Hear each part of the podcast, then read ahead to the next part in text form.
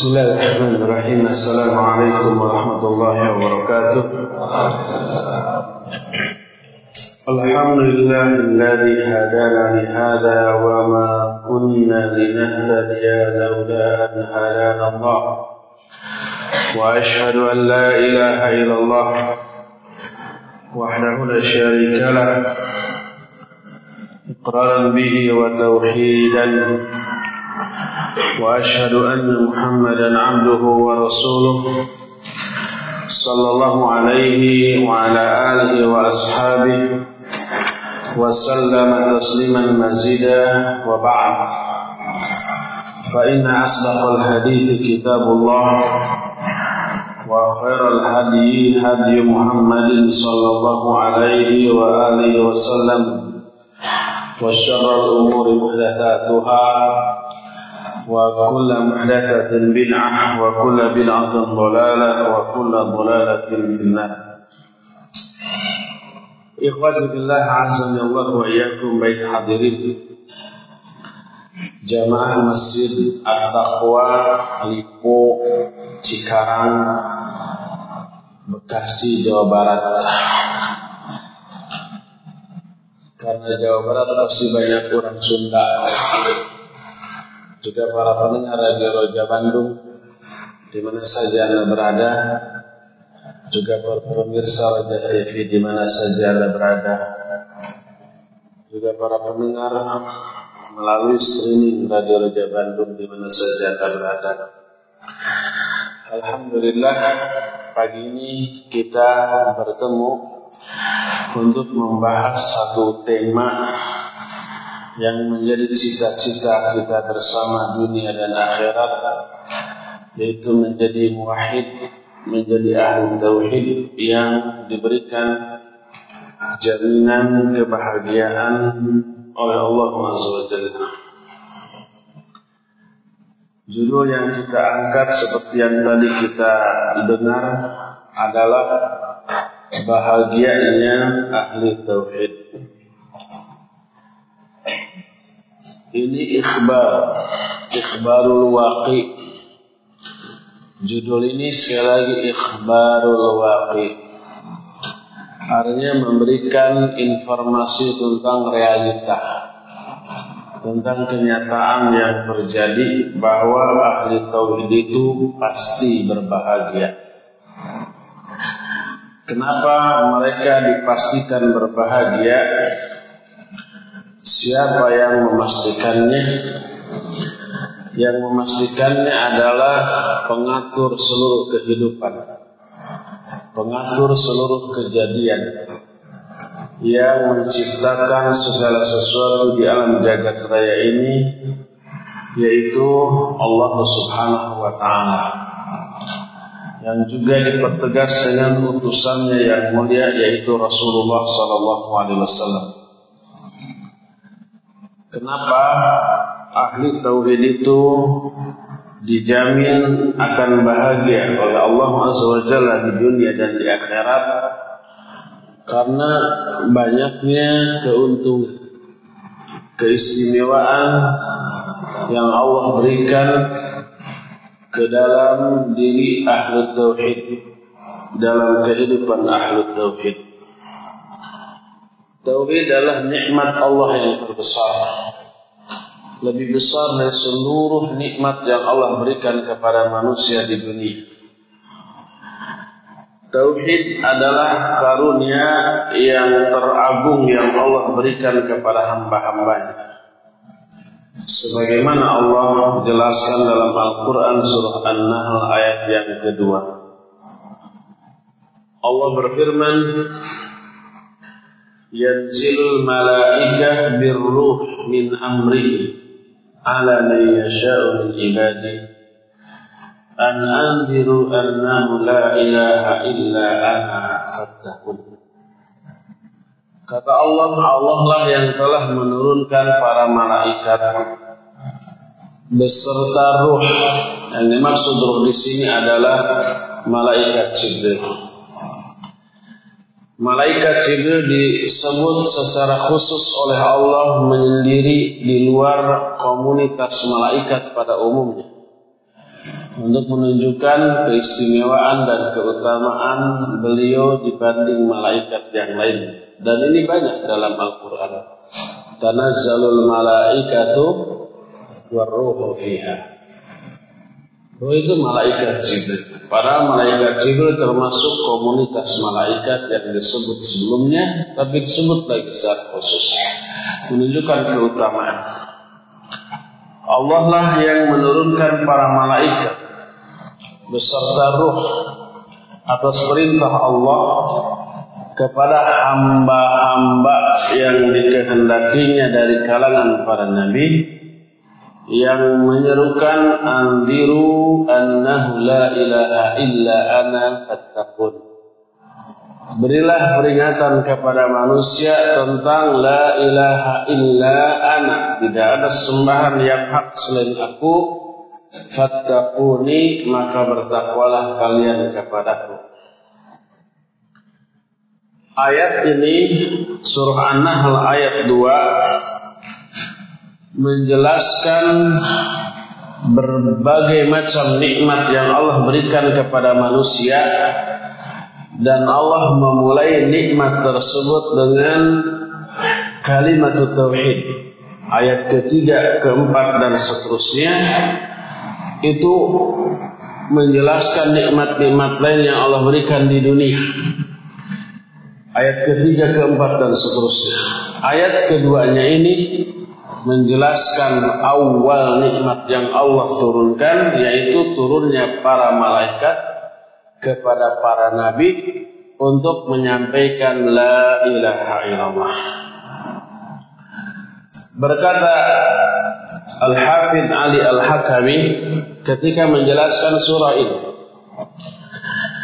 كلمة التوحيد هي أعظم نعمة أنعم الله عز وجل بها على عباده أن هداهم إليها ولهذا ذكرها في سورة النخل التي هي سورة النعم فقدمها أولا قبل كل نعمة Kalimat tauhid adalah seagung-agung nikmat yang Allah berikan kepada hamba-hambanya.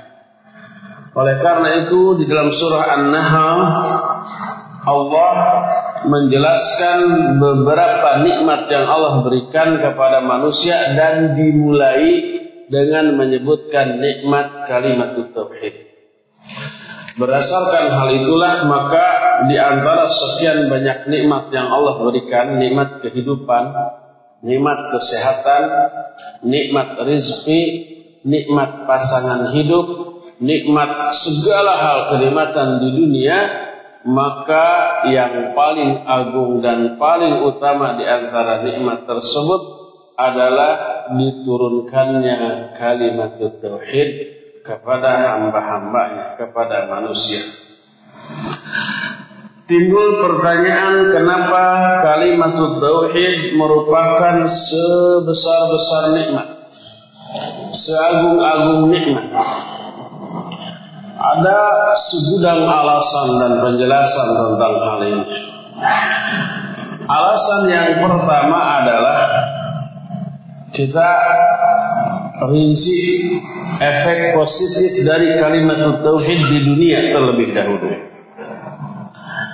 Pertama, kalimat tauhid penyebab utama istiqamahnya seorang mukmin di alam dunia. Kalau kita mau istiqamah ajak di atas kebenaran. Tidak lekang kena panas tidak luntur kena hujan. Teunggut kalinduan segedang keanginan. Teluntur ku ibun telaas ku panas. Secuat kalau hidung tu kanu kone telancak linci luncat mulang udar tina tali gadang. Itu istiqamah siapa orang yang ingin istiqamah di atas kebenaran sampai akhir hayat hendaklah dia mempelajari tauhid mendalaminya dan mengaplikasikannya dalam kehidupan kesehariannya Siapa yang istiqamah di atas, siapa orang yang mendalami tauhid dan mengaplikasikannya, Allah akan berikan hidayah kepada dia untuk istiqamah sampai akhir hayat. Dan ini jaminan Allah Allah jelaskan dalam Al-Qur'anul Karim di dalam surah Ibrahim ayat yang ke-27. Allah berfirman يثبت الله الذين آمنوا بالقول الثابت في الحياة الدنيا في الآخرة Allah memantapkan orang-orang yang beriman dengan ucapan yang mantap dalam kehidupan dunia dan akhirat. Yang dimaksud dengan Allah memantapkan artinya Allah mengistiqamahkan. Yang dimaksud dengan ucapan yang mantap adalah kalimat tauhid la ilaha illallah. Sebagaimana hadis dalam sahih Bukhari dan sahih Muslim yang diterima dari Al-Barra bin Azib radhiyallahu anhu dari Nabi alaihi salatu wasalam bahwa al-maqsud bil qawli thabit fi hadhihi al-ayat huwa kalimat tauhid yang dimaksud dengan al-qawlu thabit, ucapan yang mantap dalam ayat ini adalah kalimat tauhid.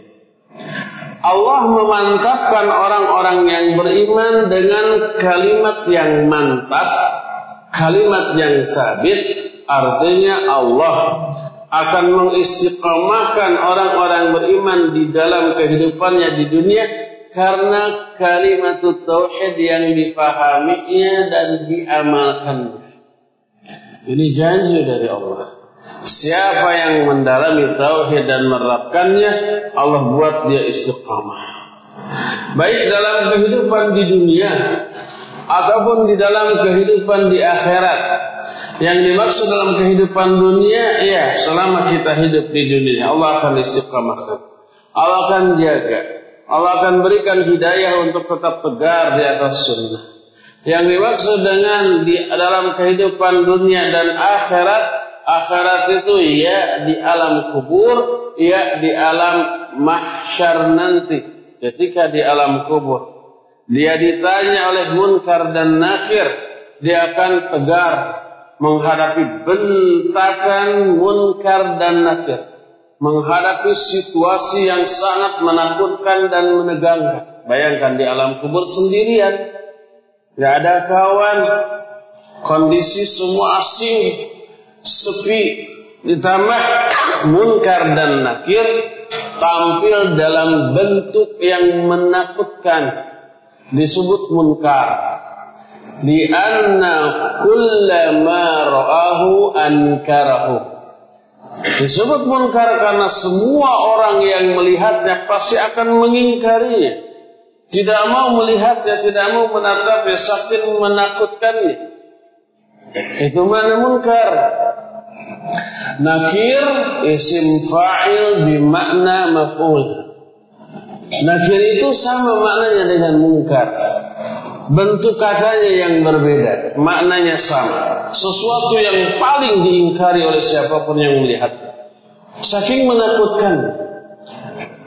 Selain itu disebut syadidal intihar. Kedua-duanya bentakannya dahsyat.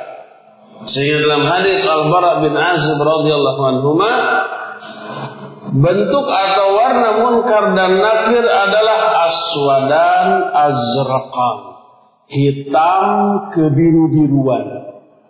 Syadidal intihar. Sangat dahsyat sekali bentakannya. Kemudian membentak orang mukmin di alam kubur ketika mengajukan pertanyaan. Ini sangat menakutkan, menegangkan, membuat mental kita bisa down karenanya maka dalam kondisi seperti itulah Allah memberikan ketegaran kepada orang-orang mukmin. Inilah kata Nabi SAW yang dimaksud Yuthabbitullahu alladhina amanu bil qawli thabit fil hayati dunya wa fil akhirah. Allah akan memantapkan, menegarkan, menguatkan mental orang-orang beriman bil qawli thabit dengan jawaban yang benar di alam kubur ketika menghadapi fitnah kubur dari munkar dan nakir di dunia diistiqamahkan di akhiratnya juga ditegarkan ketika menghadapi situasi yang menegangkan inilah janji dari Allah Azza wa Jalla maka Allah Subhanahu wa taala memberikan janji kepada siapa pun yang istiqamah. Allah menyatakan Innal ladzina qalu rabbuna Allah thumma istaqamu tatanazzalu alaihim al-malaikatu alla takhafu wa la tahzanu wa abshiru bil jannati allati kuntum tu'adun. Nahnu awliya'ukum fil hayatid dunya fil akhirah. Sesungguhnya orang-orang yang berkata Rabb kami adalah Allah. Kemudian istiqamah di atas usapannya. Pengakuan Allah sebagai Rabb itu diaplikasikan. Tidak sekedar di mulut, tidak sekedar dilafadkan oleh lisannya, tapi kosong dari amalan, nggak begitu. Diaplikasikan dan istiqomah di atas hal itu. Turunlah para malaikat membisikkan kepada orang itu. Allah takhafu wa. Jangan kamu takut, jangan kamu sedih. Allah takhafu, jangan kamu takut tentang masa depanmu. Tentang waktu setelah kematianmu. Di alam barzah dan di alam akhirat. Jangan kamu takut. Wala tahzanu, jangan kamu sedih tentang masa lalumu. Tentang keluarga yang ditinggalkannya. Tentang istrinya, tentang anak-anaknya, tentang hartanya. Gak perlu bikin kamu sedih. Ini teralami oleh orang yang mukmin istiqamah ketika akan matinya. Setiap orang yang merasa dirinya mau mati meninggalkan alam dunia, dia takut terhadap keadaan yang akan dia alami di alam kubur dan di akhirat. Karena masih belum bagi dia. Apa yang akan dia alami? Yang jelas alam kubur menakutkan. Yang jelas alam kubur itu sesuatu yang asing kemudian dia pun sedih terhadap apa yang dia akan tinggalkan istrinya akan ditinggalkan disamar orang nanti anak-anaknya akan ditinggalkan bagaimana kehidupan mereka setelah saya meninggalkan dunia ini Bagaimana hartanya? Jangan-jangan ada yang ngerebut. Sedih dia terhadap masa lalu yang akan ditinggalkannya. Terhadap dunia yang akan dia tinggalkan. Dan takut terhadap masa datang yang akan dia alami di alam kubur dan alam-alam setelahnya. Ketika resah, ketika risau, ketika galau, ketika dia gelisah dengan semua yang dipikirkan tadi, turunlah malaikat membisikkan Allah takhafu wa la. Jangan takut terhadap masa depan. Jangan sedih terhadap masa lalu. Wa abshiru bil jannati allati kuntum tu'adun. Tapi bergembiralah dengan surga yang telah dijanjikan untukmu.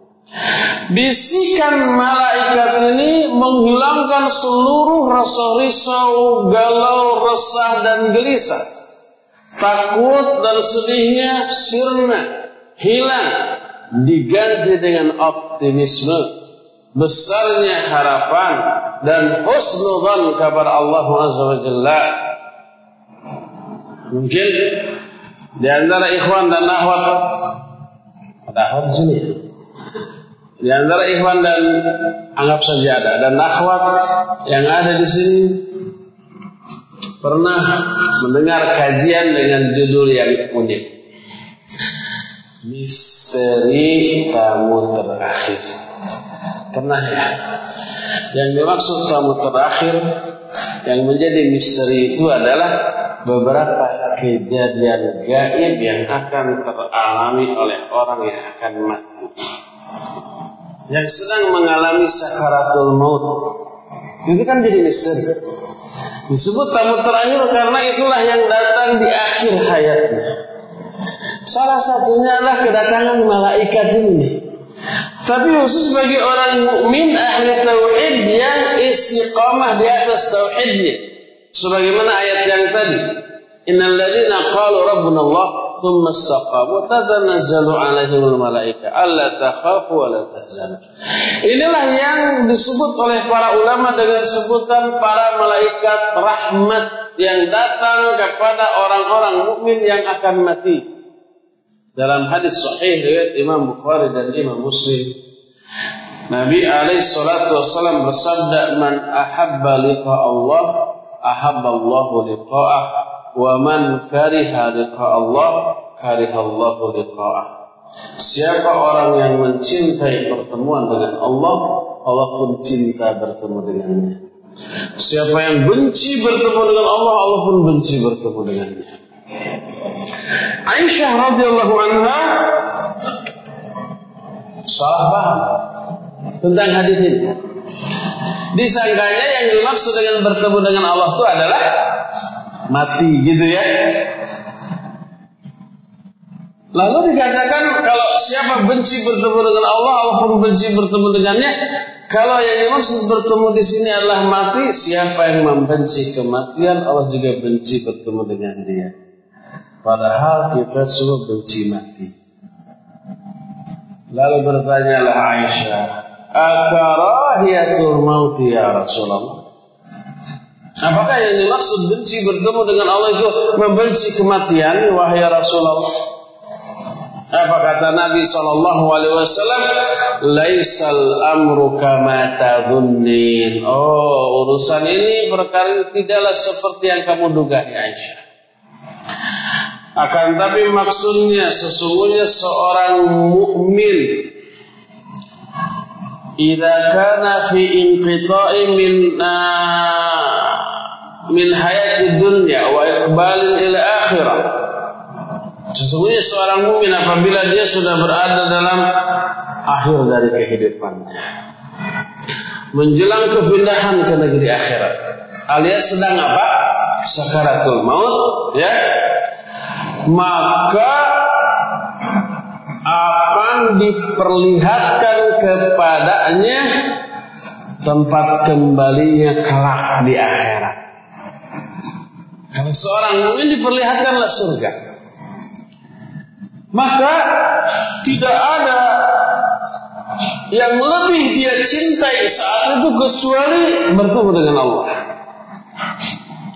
Kecuali masa datangnya, karena masa datangnya adalah kebahagiaan bagi dia. Maka saat itu muncul perasaan cinta bertemu dengan Allah dengan kadar yang sangat besar. Dia ingin segera bertemu dengan Allah. Maka dia pun mencintai pertemuan dengan Allah, Allah pun cinta bertemu dengannya. Sebaliknya orang-orang kafir atau fajir, orang durhaka, bila dia berada dalam keadaan sakaratul maut, diperlihatkanlah neraka. Yang begitu mengerikan, menakutkan, sehingga dia membenci masa depannya. Masa depannya adalah kehancuran, kebinasaan bagi dia. Maka saat itulah dia membenci bertemu dengan Allah, maka Allah pun membenci pertemuan dengannya. Nah, adapun orang mukmin yang istiqamah tadi didatangi oleh para malaikat yang memberikan kabar gembira wa abshiru bil jannati allati kuntum tu'adun nahnu awliya'ukum fil hayati dunya wa fil akhirah. Kamilah pelindung kamu dalam kehidupan di dunia ini dan dalam kehidupan di akhirat nanti. Diberikan perlindungan dalam kehidupan di dunia, juga di akhirat nanti. Dihibur di masa-masa akhir dari kehidupannya menjelang kematiannya dengan hiburan yang menghilangkan rasa resah, gelisah, rasa risau, rasa galau, rasa takut, rasa khawatir, seluruhnya hilang dan musnah yang ada adalah kebahagiaan. Yang ada adalah optimisme dan besarnya harapan untuk hidup bahagia setelah kematiannya.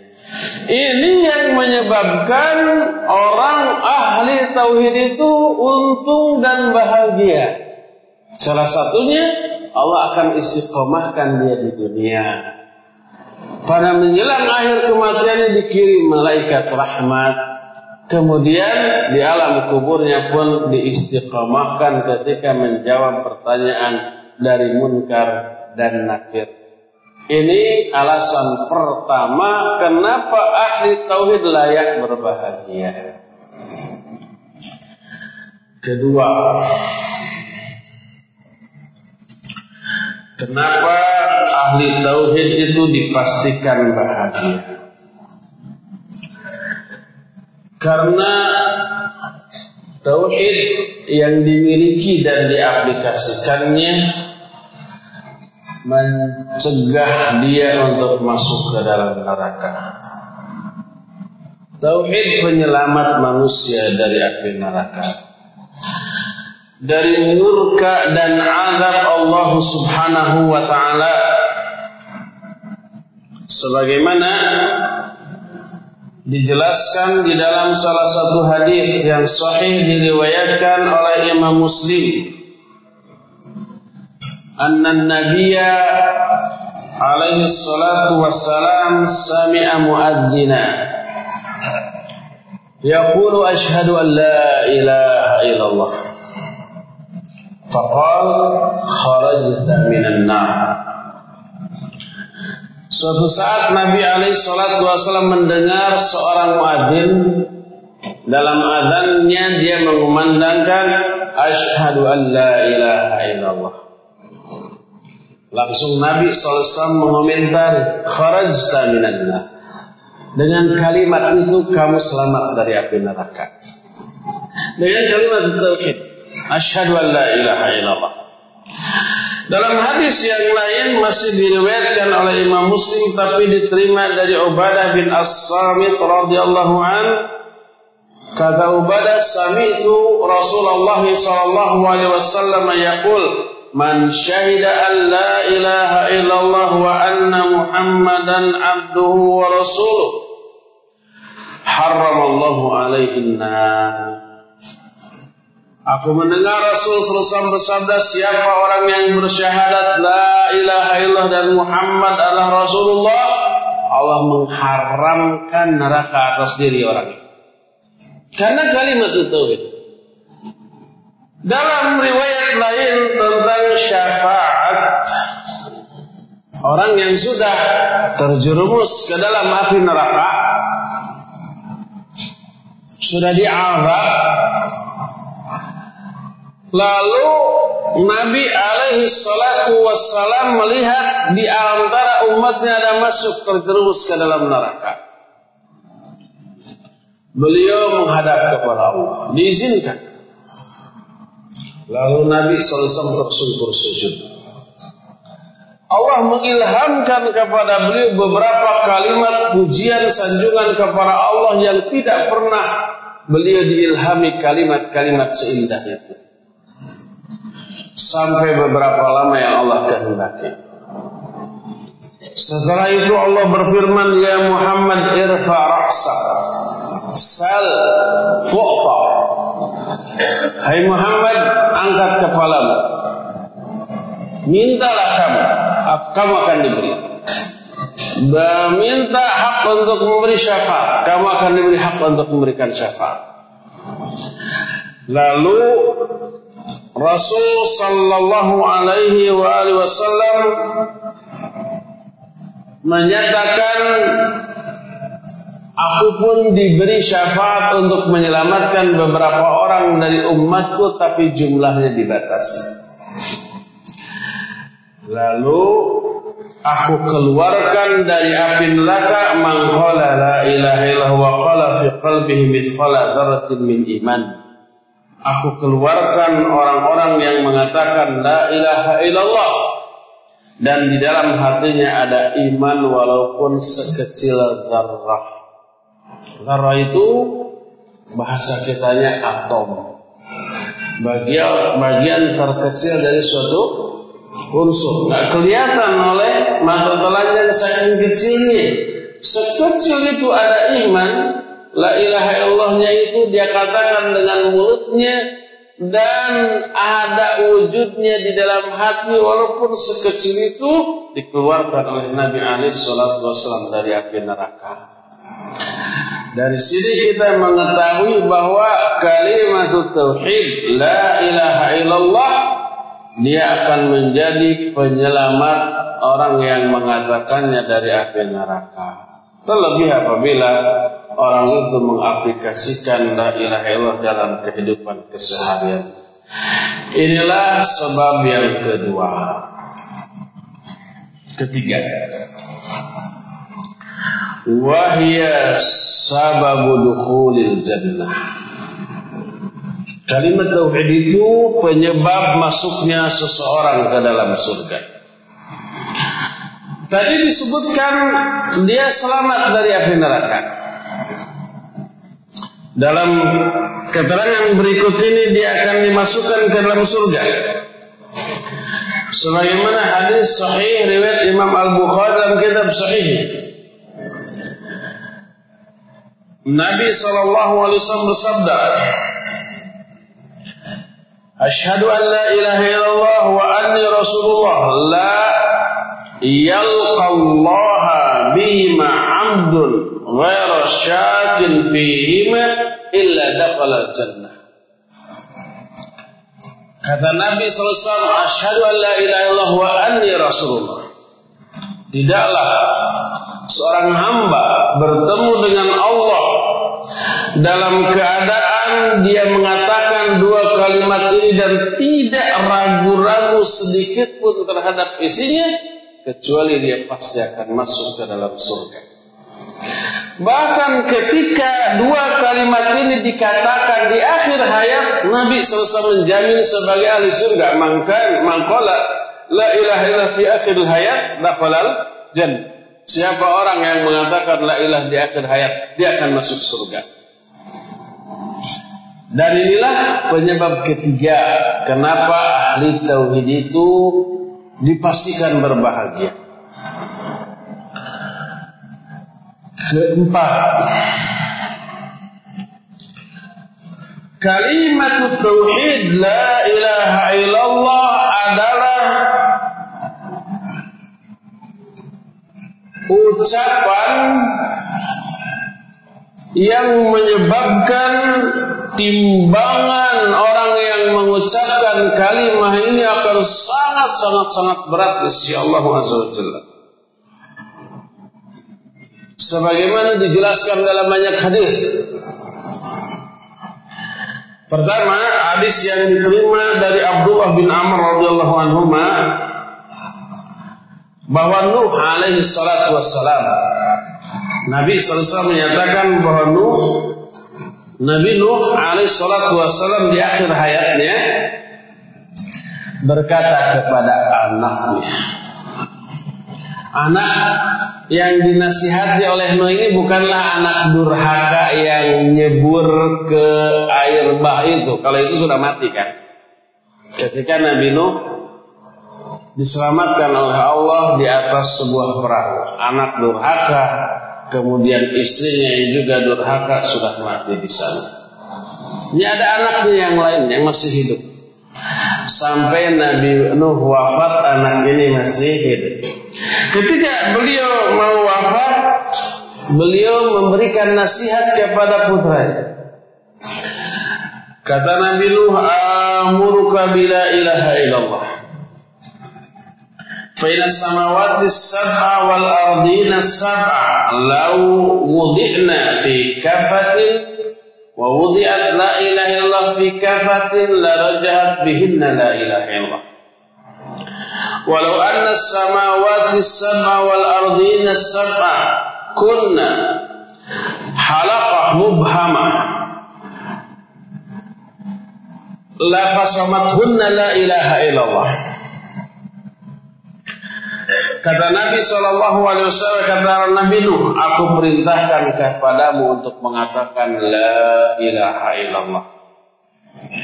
Karena sesungguhnya langit yang tujuh, bayangkan bukan satu langit tapi langit yang tujuh dan bumi yang tujuh.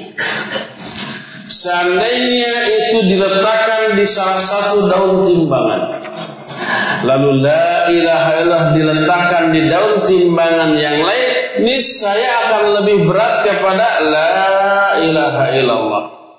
Bayangkan. Bumi yang tujuh dan langit yang tujuh seberat apa? Tidak ada timbangan yang bisa menimbang langit dan bumi saking besarnya. Dan besarnya langit dan tujuh dan bumi yang tujuh juga mengisyaratkan beratnya segimana. Tapi ternyata beratnya kalah oleh kalimat tauhid la ilaha illallah. Ini menunjukkan bahwa kalimat tauhid bila diaplikasikan menghasilkan nilai pahala yang beratnya melebihi bobot tujuh lapis langit dan tujuh lapis bumi. Padahal seluruh amal kita kan nanti ditimbang ya dibandingkan dengan dosa yang kita lakukan. Kalau lebih berat kepada timbangan amal kebaikan, selamat. Fa'amma man thaqulat mawazinu fahuwa fi 'ishatir radiyah. Nah, yang terberat itu mengaplikasikan tauhid. Aplikasi dari tauhid itu yang membuat timbangan amal kebaikan kita super berat. Dan ingat, pahala dari amalan bukan sekedar menentukan selamat tidaknya kita dari neraka dari azab Allah tapi juga menentukan setingkat apa setinggi apa tingkatan kita di dalam surga.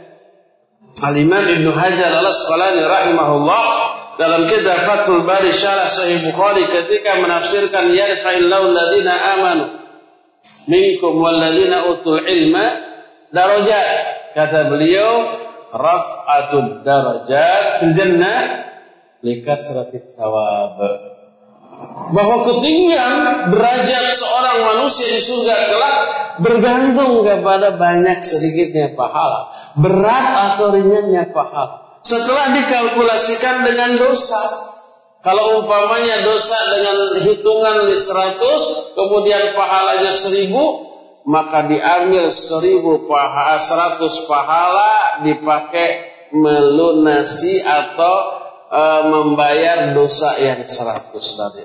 Dosa habis. Terhapus oleh 100 kebaikan yang diambil dari pahala tadi. Innal hasanati yudhibnas sayyiat. Pahala itu bisa menghapus dosa-dosa.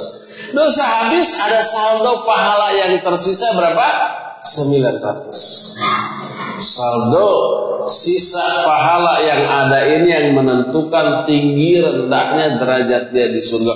Makin banyak saldo pahala, makin tinggi derajatnya.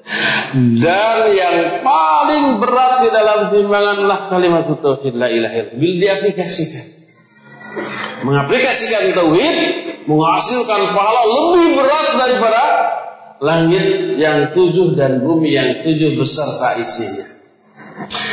Selain menentukan berat dalam timbangan amal juga menghapus dosa-dosa. Sebuah hadis yang diriwayatkan oleh Imam At-Tirmidzi, An-Nasa'i dan Imam Ahmad dalam kitab Musnadnya dari Abdullah bin Amr bin As radhiyallahu anhuma. Dia mendengar Rasul sallallahu alaihi wasallam bersabda, Inna Allah sayukhlisu rajulan min ummati ala ru'usil khalaiq yawmal qiyamah. Fayunsharu alaihi tis'ata fayanshuru alaihi tis'atan wa tis'ina sijila. Kulla sijila uh, kulla mana tadi kulla sijilin mithla muddal basar. ثم يقول أتنكر من هذا شيئا Kata Rasul SAW. Sesungguhnya Allah akan menyelamatkan salah seorang laki-laki dari kalangan umatku di hadapan seluruh makhluk pada hari kiamat. Allah hamparkan di hadapan orang ini 99 jilid buku yang berisi daftar kesalahan dan dosa dia. Masing-masing buku itu besarnya seluas mata memandang. Besar. Di sana berisi daftar kesalahan dan dosa, kemaksiatan. Menunjukkan dosanya sangat besar dan berat. Bayangkan. Lalu Nabi SAW bertanya kepada eh, Allah bertanya kepada orang itu atun min hadza apakah kamu mau mengingkari semua dosa-dosa yang tertulis dalam buku ini? Atau disebutkan apakah malaikat pencatatmu mendolimi kamu? Dengan umpamanya ada dosa yang tidak dilakukan tapi di dicatat. Apakah begitu itu kan zalim? Orang ini menjawab, lah ya Rabbi, tidak. Semua yang ditulis benar. Tidak ada sesuatu yang diingkari. Semua yang ditulis itu betul dilakukan. Ngaku dia. Allah bertanya lagi, afalaka udhrun? Apa kamu punya udhur enggak? Yang apa yang bisa menghapus dosa-dosa itu? Aulakal hasan atau kamu punya kebaikan? Yang bisa menghapus dosa-dosa yang sebanyak ini. Orang ini mikir lah ya Rabbi, enggak, saya nggak punya utuh, nggak terpaksa, tidak dalam keadaan umpamanya kepepet, tapi dilaksanakan secara sukarela dalam keadaan sadar. Dan juga saya tidak memiliki kebaikan yang banyak yang bisa menghapus dosa-dosa ini. Apa kata Allah? Bala innalaka indana hasanah. Ya, menurut kami kamu memiliki satu kebaikan. Wa innahu la zulma 'alaika al dan semuanya tidak ada kedoliman yang akan diberlakukan kepada dirimu pada hari ini. Kamu akan diperlakukan diadili secara adil. Namanya juga pengadilan bukan pemboliman. Pengadilan itu tempat ditegakkannya keadilan. Kayaknya di dunia bukan pengadilan yang sekarang cocoknya namanya ya. Karena bukan menegakkan keadilan. Pak pinter-pinter bohong we di pengadilan. Pak pinter-pinter merekayasa saksi dan bukti. Ya, kalau di akhirat benar-benar pengadilan fayukhriju bitaqah fiha asyhadu an la ilaha illallah wa asyhadu anna muhammadan abduhu wa rasuluh Dikeluarkanlah bagi orang ini satu bitaqah, satu kartu, kartu tipis dan kecil, tapi di kartu itu tertulis asyhadu an la ilaha illallah wa asyhadu anna muhammadan abduhu wa rasuluh. Orang ini bertanya, "Ya Rabbi, ma hadhihi bitaqah ma hadhihi sijilat?" Ya Allah, apa kartu ini dan buku yang besar ini? Allah menjawab, fa innaka Kamu sekarang tidak akan didolimi. Ditimbanglah, disimpan 99 jilid buku tersebut di satu daun timbangan dan kartu di tiap daun timbangan yang lain. Ditimbang apa yang terjadi, maka fatashatis sijilat wa bitaqah. Ringanlah buku yang 99 itu dan beratlah kartu tadi. Kata Rasul SAW wala yadkhilu masbillahi ta'ala syait tidak ada suatu pun yang bisa mengalahkan beratnya nama Allah Azza wa Jalla. Apa akibatnya? Akibatnya dosa yang 99 jilid buku tadi terhapus oleh kalimat tauhid yang tertulis dan ditapah tadi. Jadi fungsi dari tahu kalimat tauhid la ilaha bisa menghapus dosa sebanyak apa pun. Suatu saat Nabiullah Musa alaihissalatu wassalam meminta kepada Allah, Rabbi alimni du'aan an ubihi. Ya Allah tolong ajarkan kepada ku satu doa, satu kalimat yang aku akan berdoa dengan kalimat itu kepada Apa kata Allah? Ya Musa qul la ilaha illallah. Wahai Musa, katakan olehmu la ilaha illallah. Lalu Musa menyatakan, Rabbi kullu ibadika yaqulunaha. Wahai Allah, semua hambamu mengatakan kalimat ini. Seolah-olah Nabi Musa itu ingin yang lebih baik dari itu. Yang spesial Allah berikan kepada dirinya dan tidak diberikan kepada yang lain. Apa kata Allah Jalla? Allah menyatakan, Hai Musa, seandainya langit yang tujuh beserta isinya, bumi yang tujuh juga beserta isinya, diletakkan di satu daun timbangan dan kalimat tauhid la ilaha illallah di timbangan yang lain, niscaya akan lebih berat kepada la ilaha illallah. Bayangkan tujuh lapis langit beserta isinya dan bumi beserta isinya kalah oleh kalimat tauhid la ilaha illallah. Apakah dosa kita melebihi dari langit dan bumi? Tentu saya tidak akan mudah-mudahan ya, tapi nggak tahu kata. Andai ya masih kalah oleh kalimat tauhid la ilaha dan bisa terhapuskan. Dan sinilah kita mengetahui bahwa kalimat tauhid la ilaha bisa menghapus dosa-dosa sejumlah apa pun. Dan ini dijelaskan oleh para ulama dalam bab fadailu tauhid. Beberapa keutamaan tauhid salah satunya adalah menghapus dosa dengan jumlah yang sangat banyak. Makanya bagaimana mungkin ahli tauhid tidak akan berbahagia kalau dosa-dosanya diampuni? Neraka tadi dijamin akan diselamatkan dari hal itu. Surga juga dijamin akan diberikan di alam kehidupan di dunia akan diistiqomahkan oleh Allah Subhanahu Dijamin bahagianya orang tersebut. Makanya tidaklah heran apabila kalimat tauhid merupakan seutama-utama zikir yang bisa dilakukan oleh manusia. Sebagaimana sebuah hadis ya yang diriwayatkan oleh Imam At-Tirmidzi dengan sanad yang sahih Nabi SAW menyatakan afdalu ma qultuhu ana wan nabiyyuna min qabli la ilaha illallah.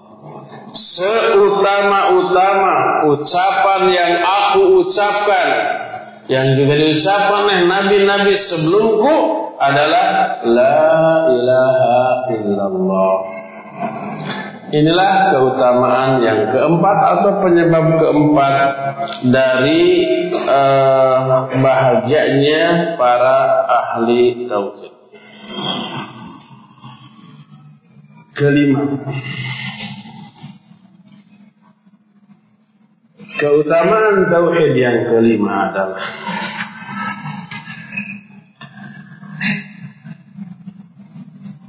Tauhid itu peringan hisab. Ahli tauhid akan dientengkan hisabnya bila dia harus dihisab. Dan apabila aplikasi dari tauhidnya tersebut sempurna, dia bisa bebas dari hisab. Adapun alasan atau dalil yang menyebabkan ahli tauhid akan diringankan hisabnya adalah Al-Quranul Karim yang terdapat dalam surah Al-Lail ayat 5 dan sampai ayat 7. Allah Subhanahu wa taala berfirman, "Fa amma man a'ta wattaqa." Terus apa? Wa bil husna terus fasanuyassiruhu lil yusra. Fa amma man a'ta wattaqa. Maka adapun orang yang suka memberi dan juga bertakwa. Wa saddaqa bil husna. Dan dia membenarkan al husna al husna maknanya adalah kalimat tauhid. La ilaha illallah. Ini dikatakan oleh Abu Abdurrahman As-Sulami juga Imam Abu Ha juga Imam Atha juga Ibnu Abbas radhiyallahu anhu. Mereka semuanya menyatakan al-husna dalam ayat ini maknanya adalah kalimat tauhid. Dan tasdik tasdik terhadap kalimat tauhid selain mendalami memahami isinya juga mengaplikasikan dalam kehidupan kesehariannya.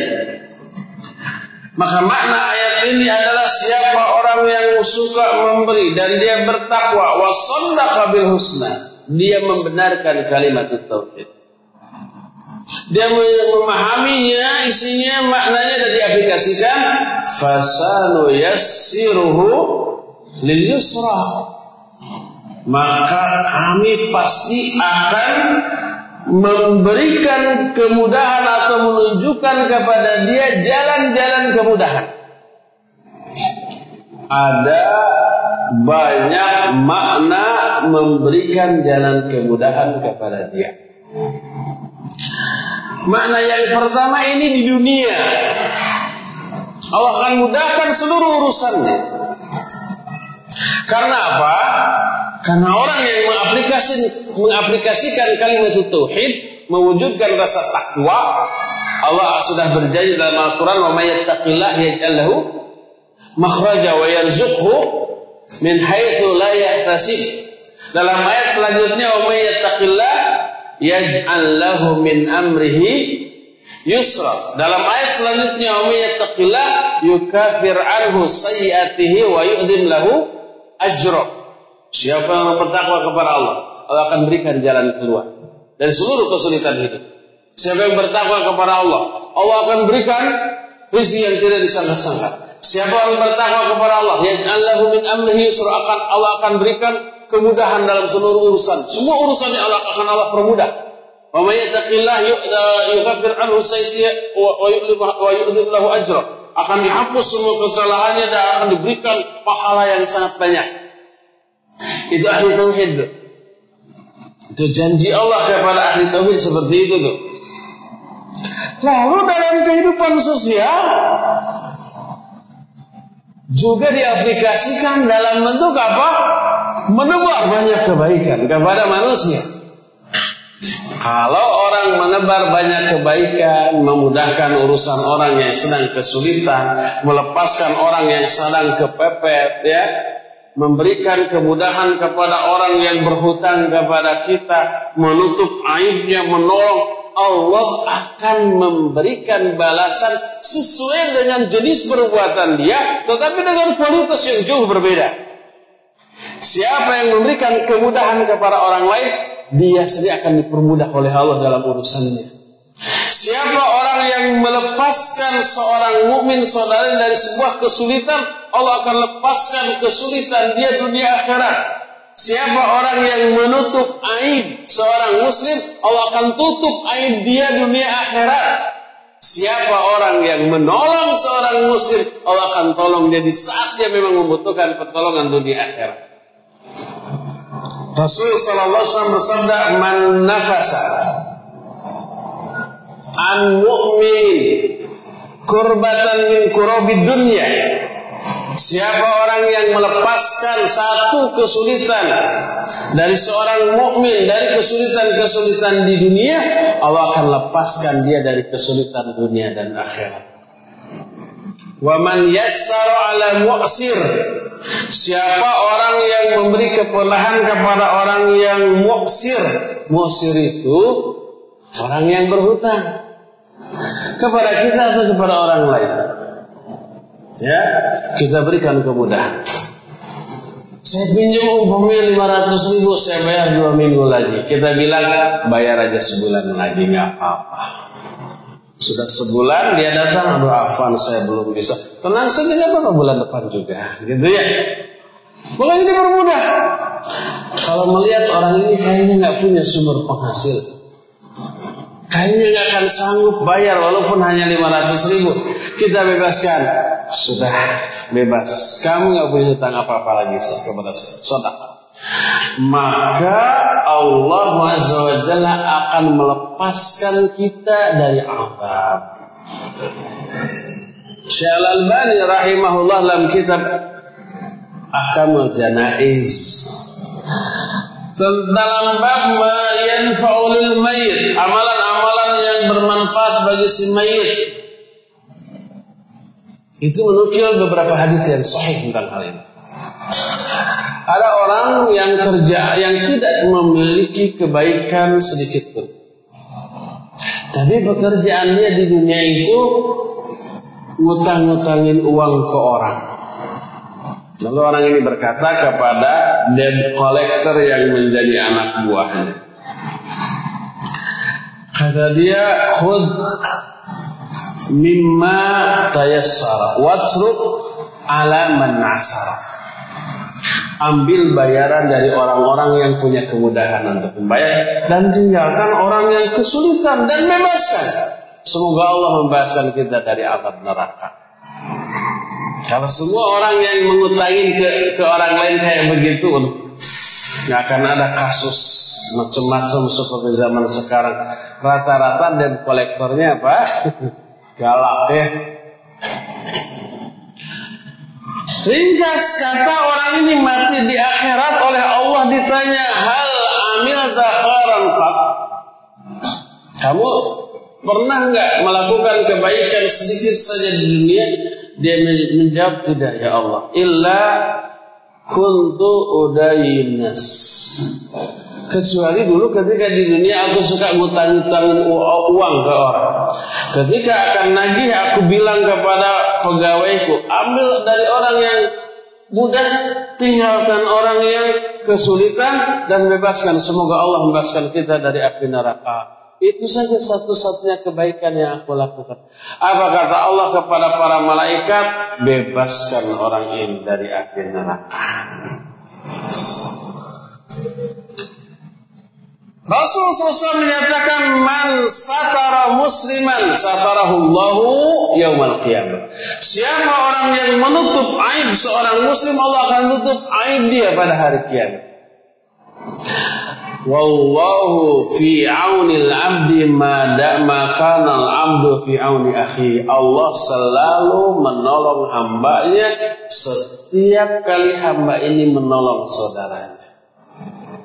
Jadi Aplikasi dari tauhid adalah akhlak dalam kehidupan sosial, dalam bermuamalah dengan orang, Allah membalas. Siapa yang menyelamatkan atau melepaskan seseorang dari kesulitan, Allah akan lepaskan orang itu dari kesulitan dia dunia dan akhirat. Siapa yang memberikan kemudahan, Allah akan berikan dia kemudahan. Siapa yang menutup aurat atau aib seseorang muslim dunia, Allah akan tutup aib dia, dia dunia akhirat. Siapa yang menolong sesama saudara, Allah akan menolong dia. Jadi balasan kebaikan ah, yang kita lakukan kepada orang itu di diterimanya dari Allah, bukan dari orang itu. Allah yang akan membalas kebaikan kita kepada orang, bukan orang itu yang akan membalas. Kalau niat kita menolong siapa pun yang kesulitan karena perintah Allah, mengharapkan balasan dari Allah, kita nggak akan pilih-pilih orang yang kita tolong ya. Karena kita yakin yang memberikan balasan kepada kita atas kebaikan kita itu Allah bukan manusia. Maka muamalah kita kepada sesama manusia merupakan perwujudan dari muamalah kita kepada Allah. Allah yang merintahkan. Kenapa kita banyak senyum ke orang? Allah yang merintahkan melalui Rasulnya alaihi salatu wasallam. Kenapa kita menolong orang? Allah yang merintahkan. Ini amalan muamalah dengan Allah lah. Diaplikasikan dalam bentuk muamalah dengan sama manusia. Niat saya karena Allah. Saya menginginkan balasan dari Allah, bukan dari manusia yang kita tolong. Maka kita nggak akan pilih-pilih orang. Kalau kita mengharapkan balasan dari sama manusia yang kita tolong bisa pilih-pilih nanti. Ya orang kering, Ditolong juga percuma nggak akan bisa balas, dibiarkan. Kan gitu ya? Makanya aplikasikan tauhid kepada Allah dalam bentuk bermuamalah yang baik kepada orang. Allah Subhanahu wa taala melalui Rasulnya alaihi salatu wasallam sering menyuruh mengaplikasikan iman, tauhid, akidah dalam bentuk muamalah yang baik kepada orang. Rasul SAW bersabda, "Man kana yu'minu billahi wal yawmil akhir falyaqur khairan aw liyasmut." Falyukrim dhaifa. Falyukrim jarahu. Siapa yang beriman kepada Allah dan hari akhir, bicara yang baik kata dia. Muliakan tamu, muliakan tetangga. Bicara yang baik atau dia memuliakan tamu, memuliakan tetangga itu muamalah kita dengan manusia dan itu merupakan perwujudan dari iman kita kepada Allah dan hari akhir. Perwujudan dari muamalah kita kepada Allah Subhanahu wa taala.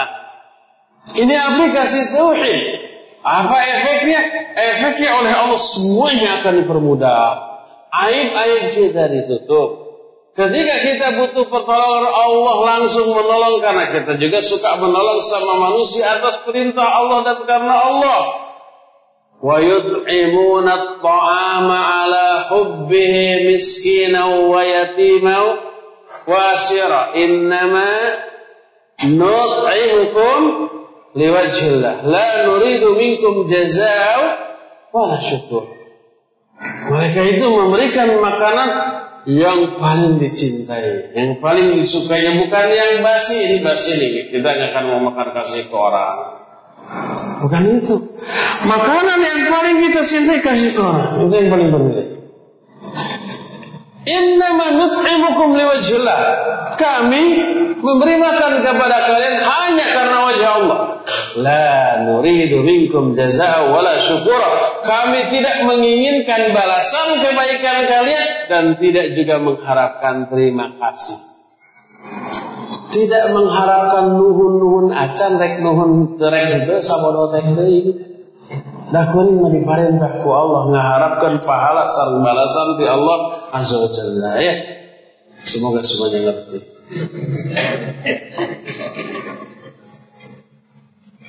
Jadi ini makna fasanu yassiruhu lil Kami akan tunjukkan kepada dia jalan-jalan kemudahan dalam kehidupan di dunia.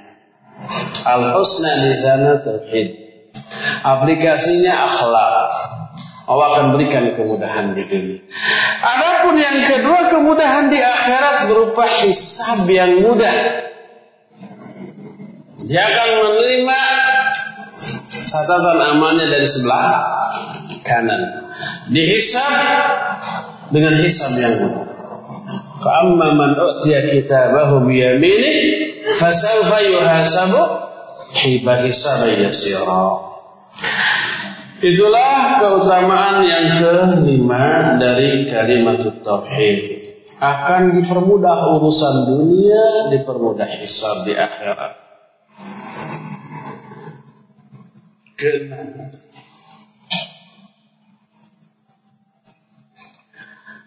Kalimat tauhid merupakan syarat mutlak untuk bisa memberi syafaat dan menerima syafaat. Yang berhak memberi syafaat seluruh manusia yang memang layak memberikan syafaat ke orang. Pertama tentu para nabi, para rasul untuk umat. Kedua para malaikat. Para malaikat juga memberikan syafaat. Ketiga para syuhada, para solihin, dan orang-orang mukmin pada umumnya memberikan syafaat. Kadang-kadang kita juga butuh kepada syafaat itu. Syafaat itu memiliki banyak fungsi. Ada yang fungsinya menyelamatkan orang dari neraka. Orang itu difonis jadi ahli neraka. Tapi karena ada syafaat, dia selamat. Ada kalanya untuk meringankan azab. Harusnya dia azabnya dahsyat. Tapi karena ada syafaat, jadi ringan.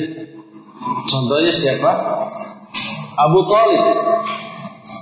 Harusnya dia berada di kerak neraka. Neraka tingkatan yang paling bawah. Tapi karena ada syafaat dari Nabi SAW menjadi paling ringan. Kata orang Sunda mah tepira. Gak seberapa. Cuma dikasih sepasang sendal. Begitu dipakailah. Apa yang terjadi? Ubun-ubunnya mendidih. Apakah ubun-ubun mendidih karena sendalnya dipakai di ubun-ubun? Bukan. Sendal dipakai di mana? Telapak kaki dan telapak kaki bagian terjauh dari ubun-ubun. Bagian terjauhnya aja sudah mendidih bagaimana kakinya. Bagaimana badannya lebih hancur lagi ya.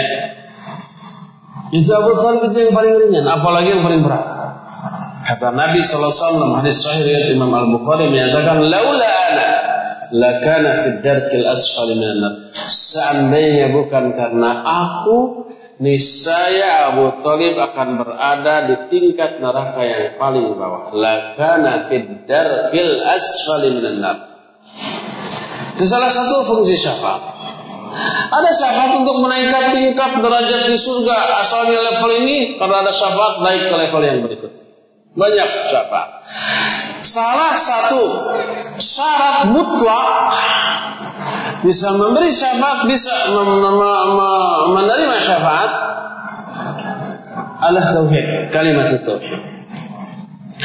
Sebagaimana dijelaskan oleh Allah Azza wa Jalla dalam Al-Qur'anul Karim surah Maryam 78 Ayat yang ke-78 dari surah Maryam menyatakan, "La yamlikuna syafa'ata illa man ittakhadha 'inda ar-rahmani ahda."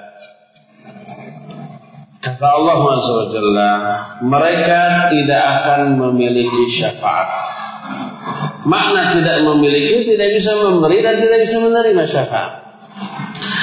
Illa kecuali manit takhada inna rahmani ahda kecuali orang yang mengambil perjanjian di sisi Allah yang maha rahman. Mengambil ahad perjanjian dari Allah Azza apa yang dimaksud dengan ahad atau perjanjian di sini berkata Ibnu Abbas radhiyallahu anhu yang oleh Abdullah bin Mas'ud disebut dengan sebutan nikmat terjemahan Al-Quran. Sehebat-hebat penafsir Al-Quran. Itu Ibnu Abbas.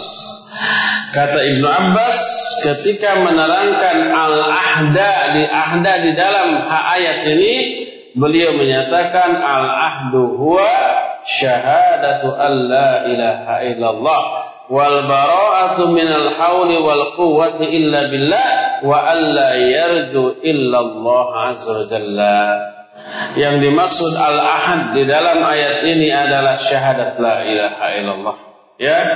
Dan berlepas diri dari kekuatan dan daya upaya selain dari Allah Azza wa dan tidak berharap apa-apapun kecuali kepada Allah. Tauhid teraplikasi dalam diri orang itu itulah ahad dan Allah menyatakan mereka manusia tidak memiliki syafaat. Tidak berhak dapat syafaat, tidak berhak memberi syafaat kecuali kalau dia mengambil ahad dari Allah. Maksudnya kalimat tauhid. Inilah yang menjadi penyebab orang ahli tauhid itu layak berbahagia. Dia dapat syafaat, dia bisa berikan syafaat kepada siapa pun yang dia kehendaki atas izin Allah Subhanahu wa taala. Itulah yang keenam. Ketujuh. Ada berapa semua? Ada 30. Malah. Tapi nggak akan kita habiskan semuanya. Paling tujuh. Ini terakhir, poin terakhir.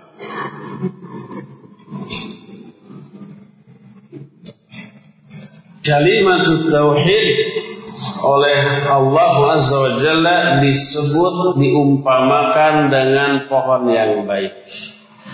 Syajarah tayyibah. Allah berfirman di dalam Al-Quran surah Ibrahim 24. Ayat ini sering diulang-ulang dibaca di Radio Roja ya. Allah berfirman daraballahu mathalan kalimatan tayyibatan kasyajaratin tayyibatin asluha thabit wa far'uha fis sama Allah telah memberikan perumpamaan tentang kalimah thayyibah yang dimaksud dengan kalimah thayyibah di sini apa? Kalimat tauhid. Ini ayat ini mengisyaratkan penjelasan kuatnya keterkaitan tauhid dengan akhlak, dengan nama soleh. Dan itu aplikasi yang benar dari tauhid. Allah memberikan perumpamaan tentang kalimat tayyibah yaitu kalimat tauhid seperti pohon yang baik. asluha thabit, akarnya kuat tertancap di dalam tanah. Wa far'uha fis sama. Adapun pucuknya, adapun dahan-dahannya menjulang tinggi ke langit. Kalimat tauhid, eh, kalimat thayyibah di sini kalimat tauhid. Seperti pohon. Apa makna dari ayat ini? Berkata Ibnu Abbas radhiyallahu anhu. Asluha thabit fil fi qalbil mu'min. Akar dari kalimat tauhid menancap kuat dalam hati seorang mukmin. Wa far'uha adapun cabang-cabang dari pohon itu adalah al-amal soleh. Amal soleh ini sa'idun fis sama. Sa'idun ila Allah azza wa jalla fis sama. Amal solehnya naik terus sampai menembus langit menuju Allah azza wa jalla.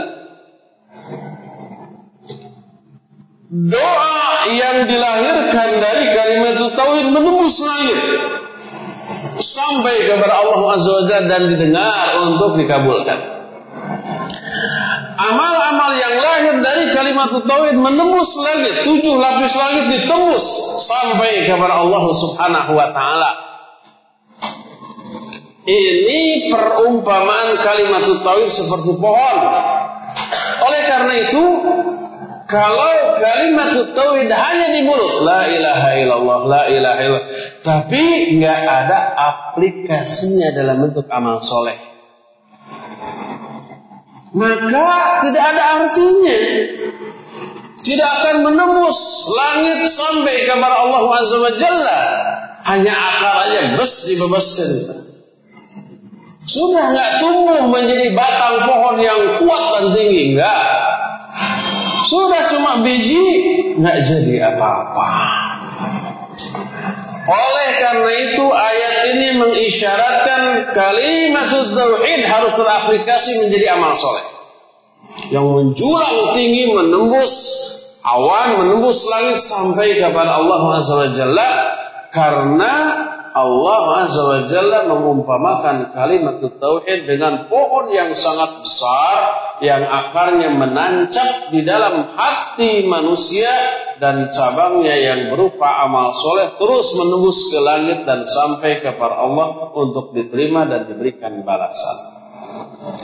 Coba dari ketujuh yang tadi dijelaskan, ketujuh itu sudah memberikan jaminan kebahagiaan bagi ahli tauhid.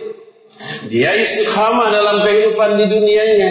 Mau matinya diberikan hiburan oleh para malaikat yang menenteramkan hatinya yang mengusir seluruh keresahan, kegelisahan, rasa takut, rasa sedih terusir semuanya masuk alam kubur dimantapkan oleh Allah dan bisa menjawab dari neraka dia selamat ke surga memperoleh jaminan ketika ditimbang berat semua dosanya diampuni oleh Allah SWT dan banyak lagi seabrek keutamaan dari kalimat tauhid yang akan Allah berikan bagi para pemiliknya Bagaimana mungkin ahli tauhid tidak akan berbahagia baik dalam kehidupannya di dunia ataupun di akhirat. Inilah beberapa keterangan yang menjelaskan bahagianya ahli tauhid. Ikhwan ibarat gelas yang diisi air ini sudah penuh, sudah luber.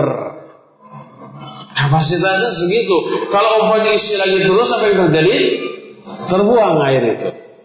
Ini sudah luber, Ikhwan-Ikhwan ini sudah penuh nih otaknya. Sudah jenuh.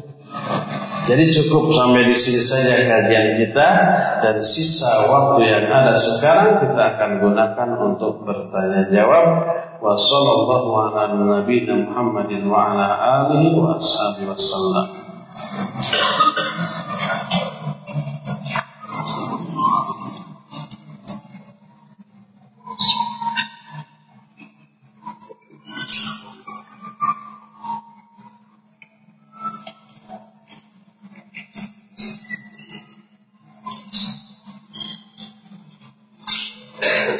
Iya. Pertama. Assalamualaikum Waalaikumsalam warahmatullahi Ustaz, apakah boleh kita berdoa dengan lafaz? Lafaz dengan F bukan dengan V Victory.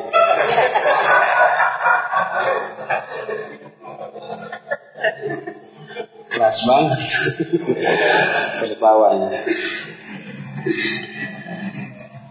Lafaznya sebagai berikut. Ya Allah, jadikanlah semua harta yang aku miliki termasuk motor dan mobil sebagai wasilah untuk mendekatkan diri kepadamu. Dan janganlah harta yang aku miliki menjadi wasilah untuk mendurhakaimu. Boleh, bagus. Mau dirinci motor dan mobil boleh. Mau dirinci semua disebut boleh. Kulkas, dispenser. Iya, jelas. Tapi secara umum dibolehkan. Jadikanlah seluruh harta yang saya miliki tanpa dirinci seluruh aja sebagai wasilah untuk meraih ridhamu, meraih ampunanmu, meraih surgamu dan seterusnya dibolehkan. Apakah seorang mukmin yang akan dimasukkan dulu ke dalam neraka atas dosa-dosa yang pernah dia lakukan ataukah langsung dimasukkan ke surga karena amalan baiknya yang lebih berat? Kalau amalan e, baiknya lebih berat, dia langsung ke surga nggak ke neraka walaupun ada apa? Ada dosanya. Allah berfirman, "Fa amma man thaqulat mawazinuhu fa huwa fi 'ishatir radiyah." Dalam ayat lain dalam surah Al-Anbiya Allah menyatakan wa amma man thaqulat mawazinu faulaika humul muflihun. Siapa orang yang berat timbangan amal kebaikannya, maka itulah orang-orang berbahagia. Dia tidak akan neraka dulu. Kan dosanya ada dan ayat menyatakan dalam Al-Quran فَمَنْ يَعْمَلْ مِثْقَالَ ذَرَّةٍ خَيْرًا يَرَهُ وَمَنْ يَعْمَلْ مِثْقَالَ ذَرَّةٍ شَرًّا ya jadi dosa sekecil apapun akan ada balasan maknanya adalah ia dosa saldo yang tersisa setelah dikalkulasikan dengan pahala. Baru itu akan dibalas neraka umpamanya dosanya lebih berat sedikit daripada pahalanya. Pahalanya dibayarkan untuk menebus dosanya pahala habis ada dosa yang tersisa sedikit. Nah tetap diangkat kadar azabnya sesuai dengan banyaknya dosa yang tersisa Adapun kalau dosanya lebih sedikit, pahalanya lebih banyak, fahuwa fi radiyah. Dia akan berada dalam kehidupan yang diridhoi. Fi jannatin aliyah, di surga yang tinggi. Dosanya gimana? Terhapus oleh sebagian dari kebaikannya sebagaimana Allah menyatakan innal hasanati yudhibnas sayyi'at. Kebaikan-kebaikan itu bisa menghapus dosa-dosa, kesalahan-kesalahan.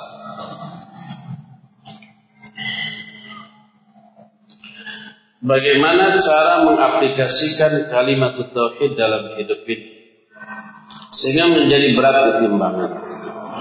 Dan apabila kita melakukan suatu dosa, kemudian bertobat, apakah akan ditimbang dan dipisah? Tadi sudah disebutkan aplikasi tauhidlah amal soleh, akhlak yang mulia, bermuamalah yang baik kepada sesama manusia. Saya beriman kepada Allah dan akhir, bicara diam atau eh, bicara baik atau diam. Muliakan tamu, muliakan tetangga. Tolong orang, aib orang tutup, rahasiakan oleh kita. Bantu orang yang kesulitan, lepaskan orang yang sedang kesusahan, beri kemudahan kepada orang-orang yang memang dia membutuhkan kemudahan dari kita. Itu aplikasi dari tauhid. Jadi sudah diterangkan. Kalau orang sudah bertobat dari dosa, apakah tetap dihisab? Dihisab dari tobatnya. Tobatnya itu amal soleh yang menghasilkan pahala. Adapun dosanya terhapus. Ada tiga yang dihapus dari dosa karena tobat. Pertama catatan amal buruknya dihapus. Nggak ada lagi catatan di catatan malaikat. Kedua azab yang tadinya dicanangkan untuk dia karena dosa tadi juga dihapus, di cancel, bedok nggak jadi. Ketiga, asar sayyi'ah minadzunub. Dampak buruk dari dosa juga dihapus. Dampak buruk dosa apa? Hati keras, ibadah malas, kepada maksiat semangat diajak ngaji uh leng le talangke hararese kudu diteke bikin bete. Ini juga dihapus. Jadi getol lagi kepada ibadah semangat lagi kepada kebaikan. Jadi nggak akan ada lagi hisab atas dosa yang sudah ditobatinya yang dihisabnya tobatnya. Tobatnya pahala. Amal soleh yang sangat agung itu dihisab akan diberikan ganjaran pahala yang tidak kecil.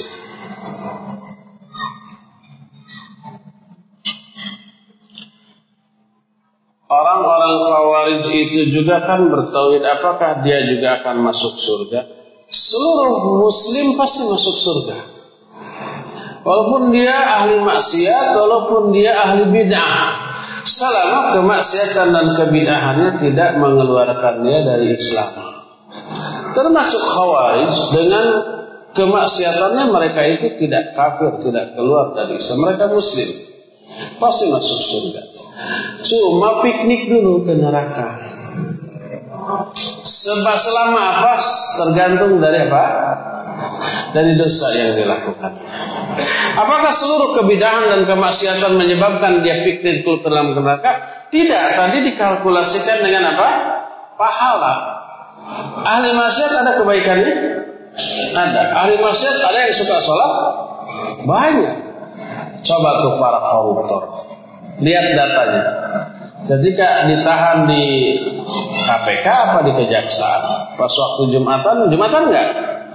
Jumatan, sholat enggak? Sholat. Kalau Ramadan, saum, hajinya udah berapa kali? Mungkin tujuh kali atau lebih. Ada kebaikan. Nanti dikalkulasikan, diperhitungkan mana yang lebih berat. Ya, tidak selalu setiap pelaku dosa besar, ahlu bid'ah pasti langsung ke neraka. Tidak. Sangat tergantung dari saldo setelah dikalkulasikan antara pahala dan dosa.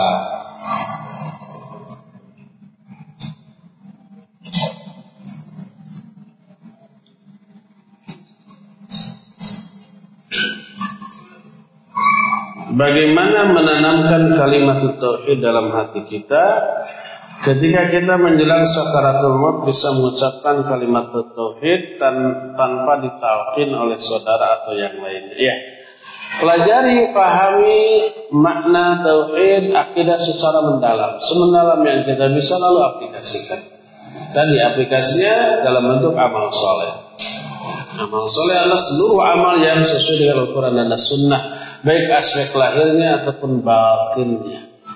Lahirnya saja tapi batinnya nyimpang bukan amal soleh tapi amal salah. Sholat bagus sesuai sunnah berjamaah di masjid tapi ria itu amal salah bukan amal soleh. Allah mengancam fawailul lil musallin. Salah satu walladzina hum yuraun orang yang ria di dalam sholat. Jadi batinnya ya, lahirnya juga ya sesuai dengan Quran Sunnah itu lama soleh. Bagaimana nasib seorang di akhirat kelak bila dia ketika di dunia sudah bertauhid dengan benar, sudah mengikuti sunnah, akan tapi pada Allah dia mati dalam keadaan berhutang. Sementara keluarganya tidak tahu hutang-hutangnya ia akan diperhitungkan. Dia tertahan dari surga. Walaupun mati syahid dia bisa langsung masuk surga. Jangan punya kartu kredit. Kartu orang yang punya kartu kredit orang yang punya banyak utang. Orang ini simbol dan pelit. Uang ada belanja digesek. Padahal uang cash ada. Tapi pertama gengsi, keluarkan kartu, peluangnya ada. Kelihatan orang-orang mungkin tanda tangan. Masukin lagi. Dibuka dompetnya ada 12 kartu kredit. Menunjukkan banyak apa? Banyak utang. Mobilnya mentereng, rumahnya gedong sigrong, kartu kreditnya 12. Andai hutangnya ya dibayar semuanya habis. Rumahnya, mobilnya dan seterusnya. Tapi dia bangga di hadapan orang, bangga dengan hutang. Mobilnya kreditan. Rumahnya juga hasil renovasi yang pinjam juga ke bank. Ada yang begitu? Banyak. Saya pernah mendengar jika seorang mati dalam keadaan berhutang maka ruhnya akan tergantung antara langit dan bumi. Iya, jadi hutang ini jangan dianggap enteng. Lunasi, lunasi, lunasi segera. Jangan kalau kita punya uang cash untuk membeli cash jangan berhutang. Lu sayang nih cash Engkau ingin barang yang mahal, tapi nggak mau keluar uang, kok mahal licik pisan.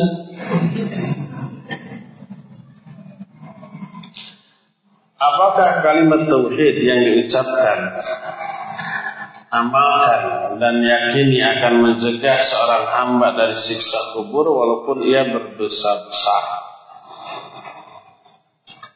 Tadi sejauh mana aplikasi dari tauhidnya, pengamalan dari tauhid.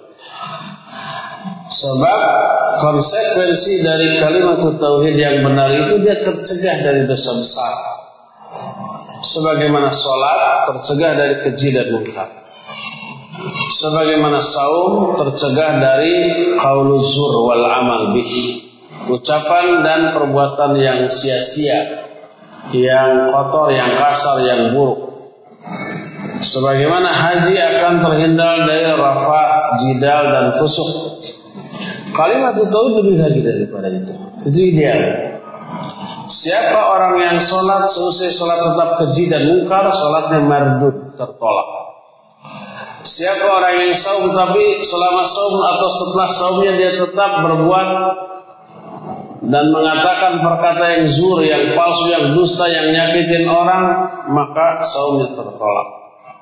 Tidak dipahalai. Haji juga begitu. Kalimat tauhid juga begitu. Idealnya kalimat tauhid mencegah seorang dari dosa dan maksiat.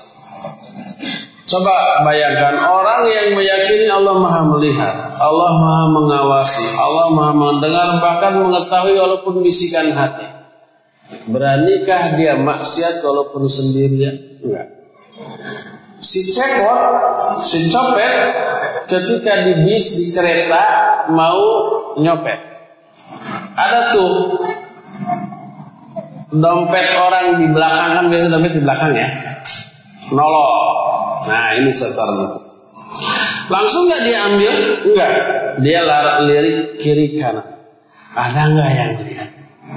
Ada yang mengawasi nggak? Ketika lirik sekelilingnya semua orang lagi asik asik dengan HP-nya masing-masing kan gitu ya rata-rata ya. HP itu media sosial yang menghancurkan sendi-sendi kehidupan bersosial. Jadi harusnya jauh di mata dekat di hati. Ini mah dekat di mata, jauh di hati. Orang berdampingan cuek. Ayah, ibu, anak-anak ngariung sama Bukan ngobrol, semuanya begini. Cuek kepada mereka. Coba lihat di mana-mana ya. Dan itu kesempatan emas bagi si sekor tadi itu, copet tadi. Semua orang sibuk siap. Dia acungkan dua jari. Gitu gitu nyopet apa gini? Pas mau nyopet, tiba-tiba ada yang dilihat dia ngelihat ada orang ngelihat. Jadi nggak nyopet nih? nggak jadi pura-pura apa. Pura-pura mas mas itu dompetnya nolong. Awas ada copet, padahal dia copet. Karena apa? Karena kata, walaupun oleh orang nggak jadi nyopet itu. Seorang ahli tauhid meyakini sudah diawasi oleh siapa? Pertama oleh Allah. Kedua ada rakib dan atid.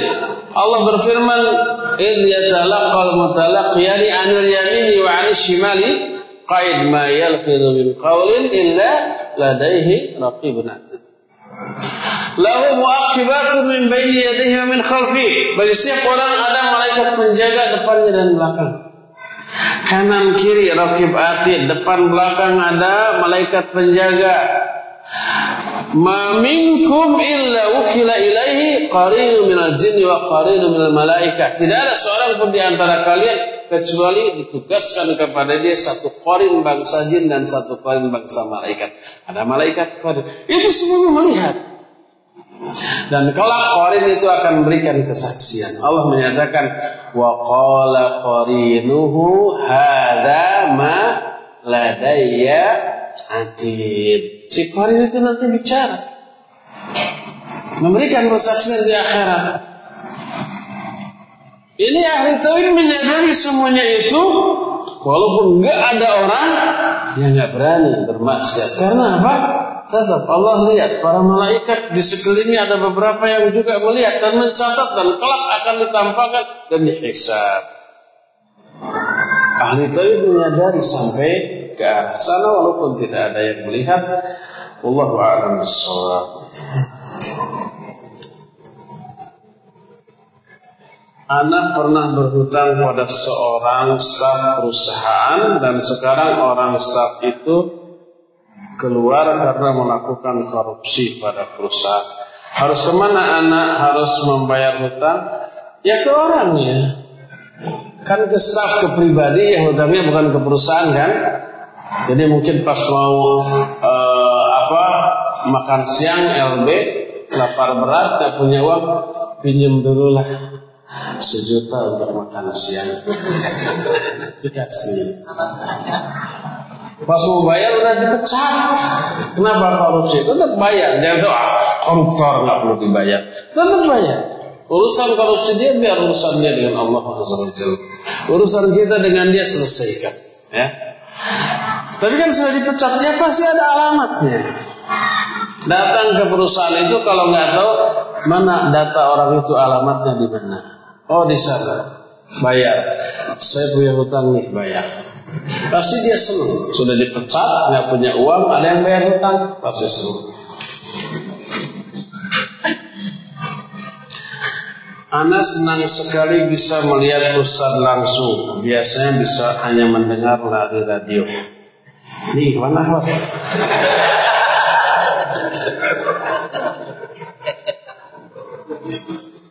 Ya saya juga senang ya bisa bertatap wajah dengan antum ada wajah-wajah yang selama ini nggak dilihat. Besok lupa lagi. Jadi kalau oh sudah apa kabar? Akrab. Oh, mungkin orang ini memang pernah dekat dengan anak cuma lupa lagi di mana kapan gitu ya. Atau memang orangnya akraban walaupun baru bertemu anda ingin bertanya, bagaimana cara kita istiqamah ketika berada di pabrik tempat bekerja? Karena jujur, terkadang Anda sering terbawa lingkungan pabrik yang kebanyakan orang awam dan banyak berbuat dosa. Tolong nasihatnya.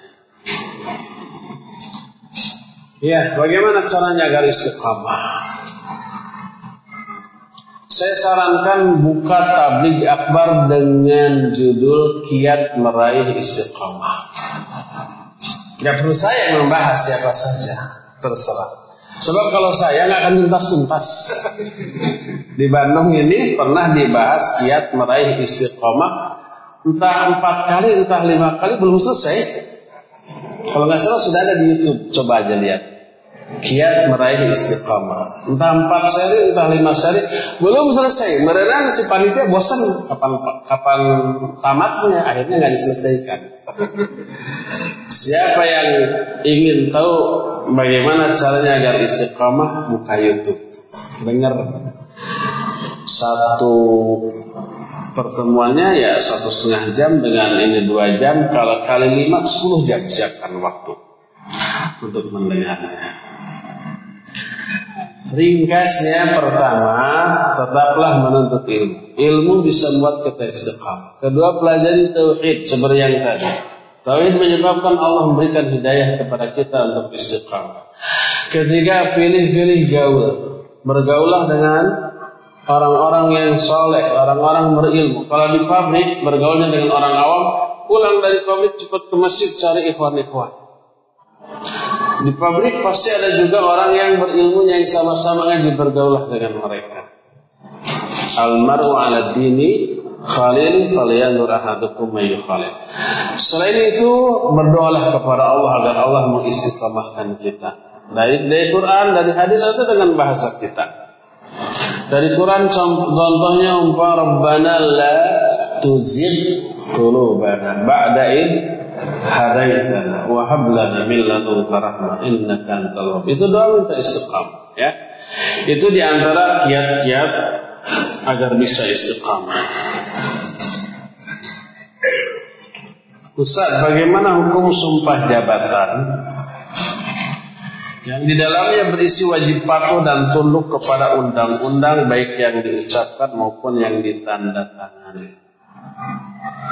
Ya, selama undang-undangnya baik, tidak ada penyimpangan, taati. Tapi kalau ada beberapa poin undang-undang yang menyimpang, nggak perlu ditaati. Kalau ada poin undang-undang dilarang berjilbab bagi wanita, Nah, tidak perlu ditaati tetap aja berjilbab. Dilarang pakai jenggot bagi lelaki, tetap aja pakai. Dilarang pakai celana ngatung, pakai aja ngatung. Nanti kalau umpah dia ditegur, kita bisa bernegosiasi, berdiskusi. Jenggot ini tidak menghalangi, Pak. Jenggot ini nggak membuat saya goblok kayak orang. Saya akan merasa cerdas dengan ini kalau dipotong bodoh. Kasih aja argumentasi gimana, kayak ya.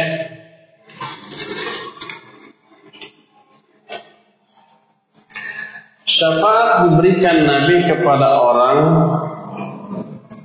di akhirat kelak harus dengan persetujuan Allah atau hak langsung bagi Nabi. Eh, harus ada izin Allah. Man dalladhi yashfa'u indahu illa bi'idni. Ya. Kam min malakin fis samawati la tubni syafa'atuhum illa min ba'di ayyatan Allah wa yasha wa yarda. Betapa banyaknya malaikat yang ada di langit syafaat mereka tidak bermanfaat sedikit pun kecuali setelah ada izin dari Allah kepada orang yang Allah kehendaki dan Allah ridhoi. Jadi semua atas izin Allah tidak langsung.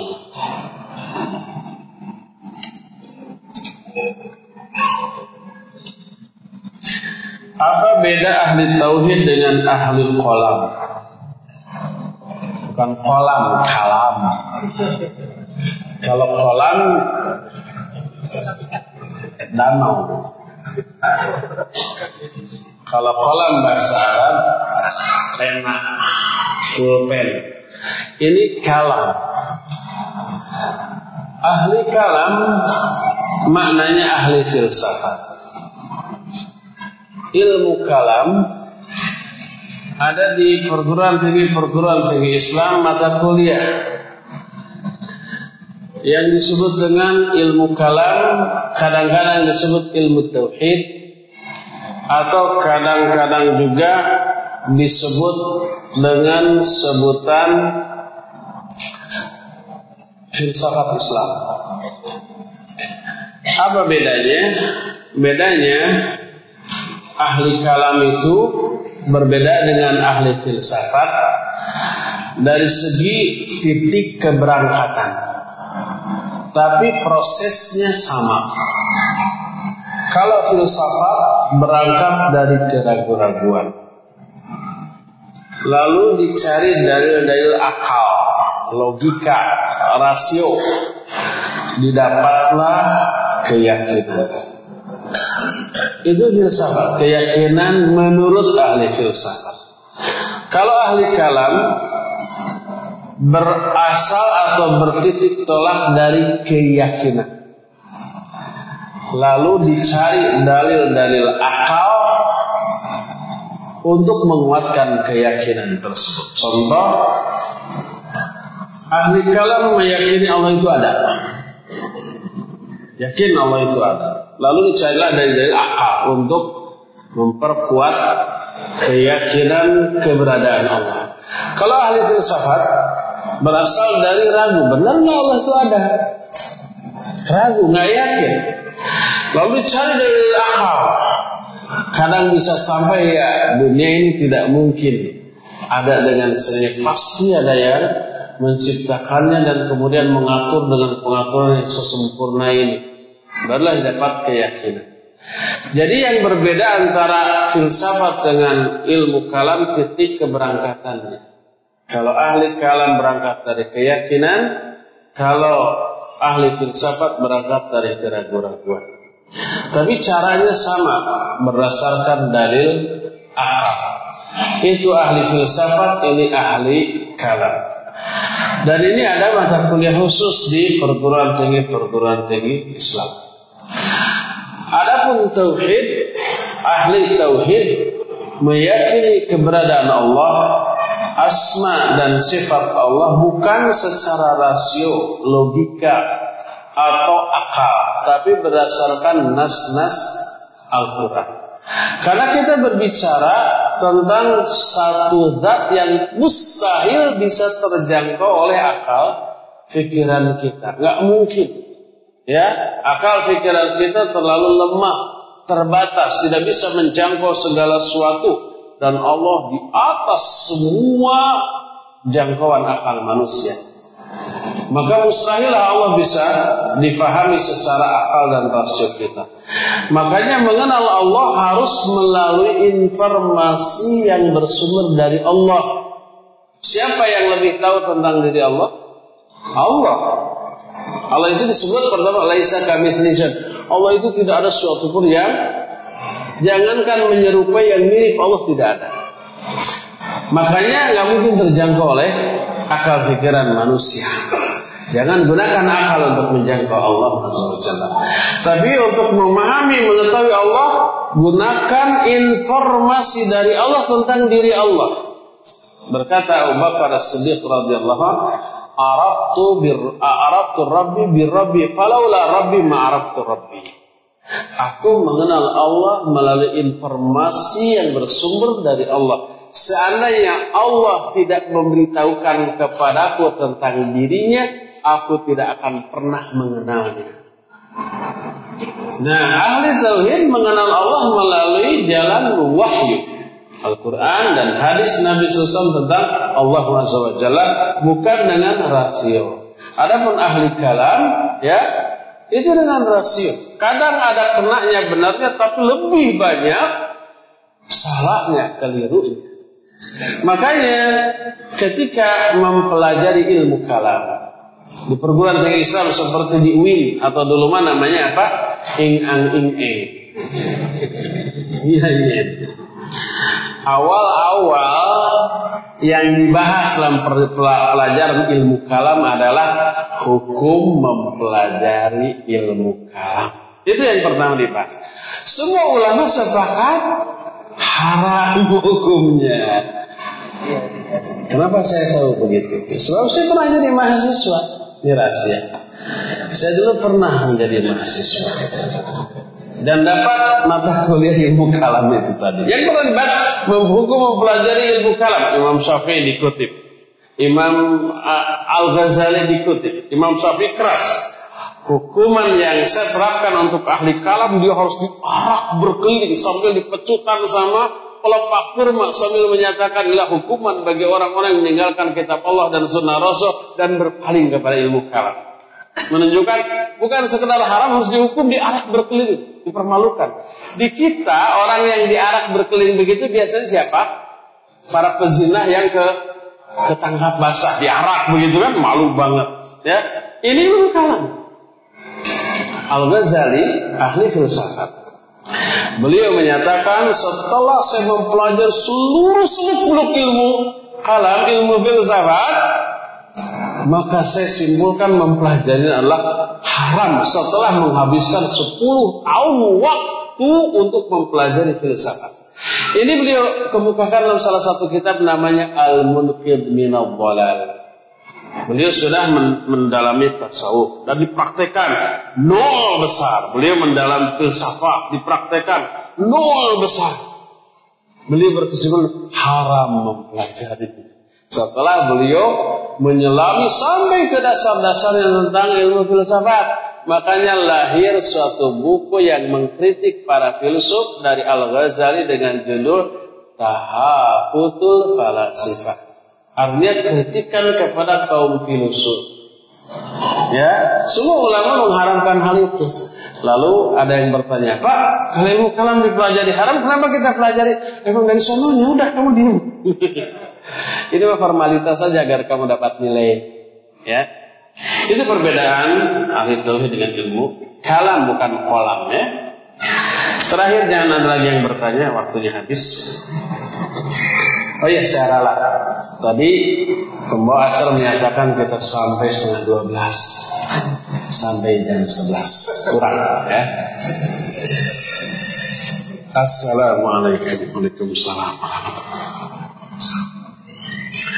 Ustaz, apa pengertian aib kita ditutup di akhirat? Apakah dosa kita diampuni atau dihapus atau apa Ustaz? Jazakumullah Dua-duanya. Tiga-tiganya katanya, ya diampuni, ya dihapus, ya ditutup. Salah satu di antara sifat Allah adalah satir. Sebagaimana hadis sahih, Inna Allah hayyun satirun yuhibbul haya wassatar. Sesungguhnya Allah itu maha pemalu dan maha satir. Satir itu maha penutup. Maknanya penutup aib. Allah menyukai sifat malu dan sifat suka menutup aib. Makanya Allah haramkan gibah. Karena gibah apa? Membuka aib kan? Allah haramkan secara tegas dalam Al-Quran dan diberi gambaran dengan gambaran yang jijik. Apa gambarannya? Sama dengan memakan daging bangkai. Wala yaghtab ba'dukum ba'dha ayuhibbu ahadukum ayyakula lahma akhihi maitan fakaritum janganlah sebagian kalian menggibahi sebagian yang lain suka nggak kalau salah seorang di antara kalian memakan daging bangkai saudara yang sudah mati umpama kawan kita mati eh jangan dikubur jangan dikubur besok sesok dia biarkan apa namanya busuk dulu sedikit supaya ladu gitu ya. Nah setelah tiga hari ah, wanginya sudah keluar baru dimakan. Jijik kanibah, sejijik itu gibah. Karena itu membuka aib, bertolak belakang dengan sifat Allah menutup aib.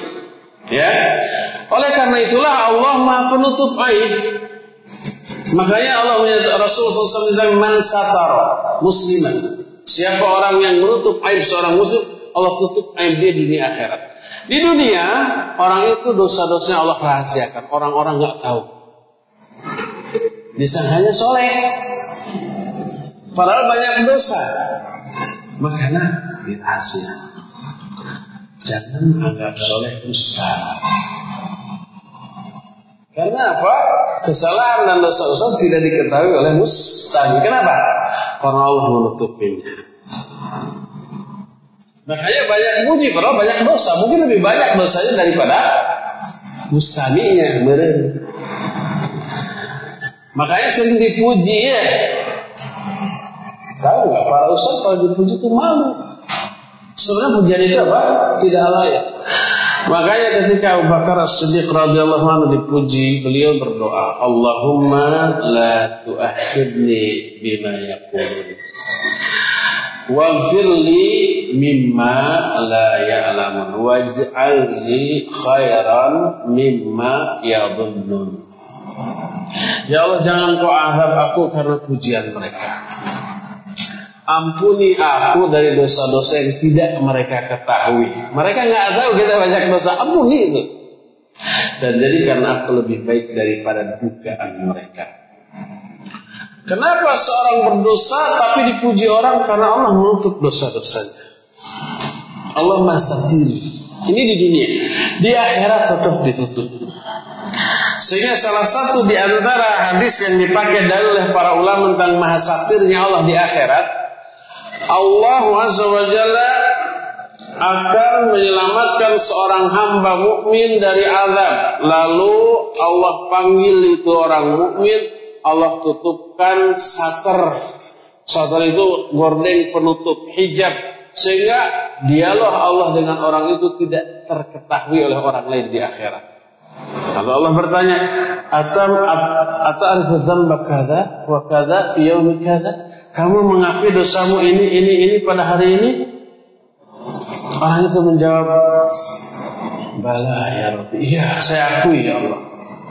Hatta idza qarrarahu wa ra'a annahu qad halak kata Allah eh kata Rasul SAW sehingga ketika orang ini mengakui semua dosa-dosanya dan dia sudah melihat menyangka binasa di babak belur nih diazab karena dosa-dosanya banyak Allah berfirman qad satartu halaka fid dunya wa aghfiru lakal yaum Dosa itu sudah aku tutupi bagi kamu ketika di dunia. Orang-orang nggak tahu. Dan hari ini aku ampuni dosa-dosa itu. Bayangkan. Inilah yang kata Syekh Al-Utsaimin rahimahullah yang disebut dengan maghfirah. Maghfirah itu mencakup dua. Pertama, dosa itu ditutup di dunia dan diampuni di akhirat dan tidak dibuka di dunia sampai ke akhirat. Orang-orang nggak tahu sampai ke akhirat bahwa dia berdosa. Di dunia ditutup, di akhirat diampuni dan tidak diangkat. Itu maghfirah. Maka siapa orang yang melakukan dosa di dunia lalu dosa itu oleh Allah ditutup dirahasiakan di dunia tapi di akhirat diangkat, orang itu nggak dapat maghfirah. Sebaliknya siapa orang yang berdosa di dunia, dosa-dosa yang dibongkar oleh Allah di hadapan manusia di dunia orang-orang jadi tahu, tapi dia diampuni di akhirat dan tidak dianggap orang itu juga nggak dapat maghfirah. Orang yang dapat maghfirah adalah orang yang dosa itu di dunia oleh Allah ditutup, dirahasiakan sampai ke akhirat dan di akhirat dihapus dan diampuni. Itulah yang disebut dengan sebutan maghfirah. Saya usulkan untuk tablik akbar bulan atau kapan saja, jangan ke saya tapi yang isinya ya. Kiat meraih maghfirah cuma. Bagaimana caranya agar kita dapat maghfirah? Kita banyak dosa, tapi dosa itu Allah rahasia dan Allah tutup di dunia, di akhirat ampuni dihapus. Kiat itu harus kita ketahui untuk meraih maghfirah dari Allah Subhanahu wa taala. Itu sebuah materi yang sangat bagus untuk diaplikasikan saking banyaknya dosa kita, tapi kita ingin selamat dari dosa itu dunia dan akhirat. Ya, cukup sampai di sini saja. Ada waktu sisa 4 menit lagi saya sodakokan saja. Insya Allah mudah-mudahan Allah mempertemukan kita kembali di masa-masa yang akan datang. Subhanakallahum bihamdik. Asyhadu an la ilaha illa ant. Astaghfiruka wa atubu ilaik. Alhamdulillah rabbil alamin. Wassalamualaikum warahmatullahi wabarakatuh.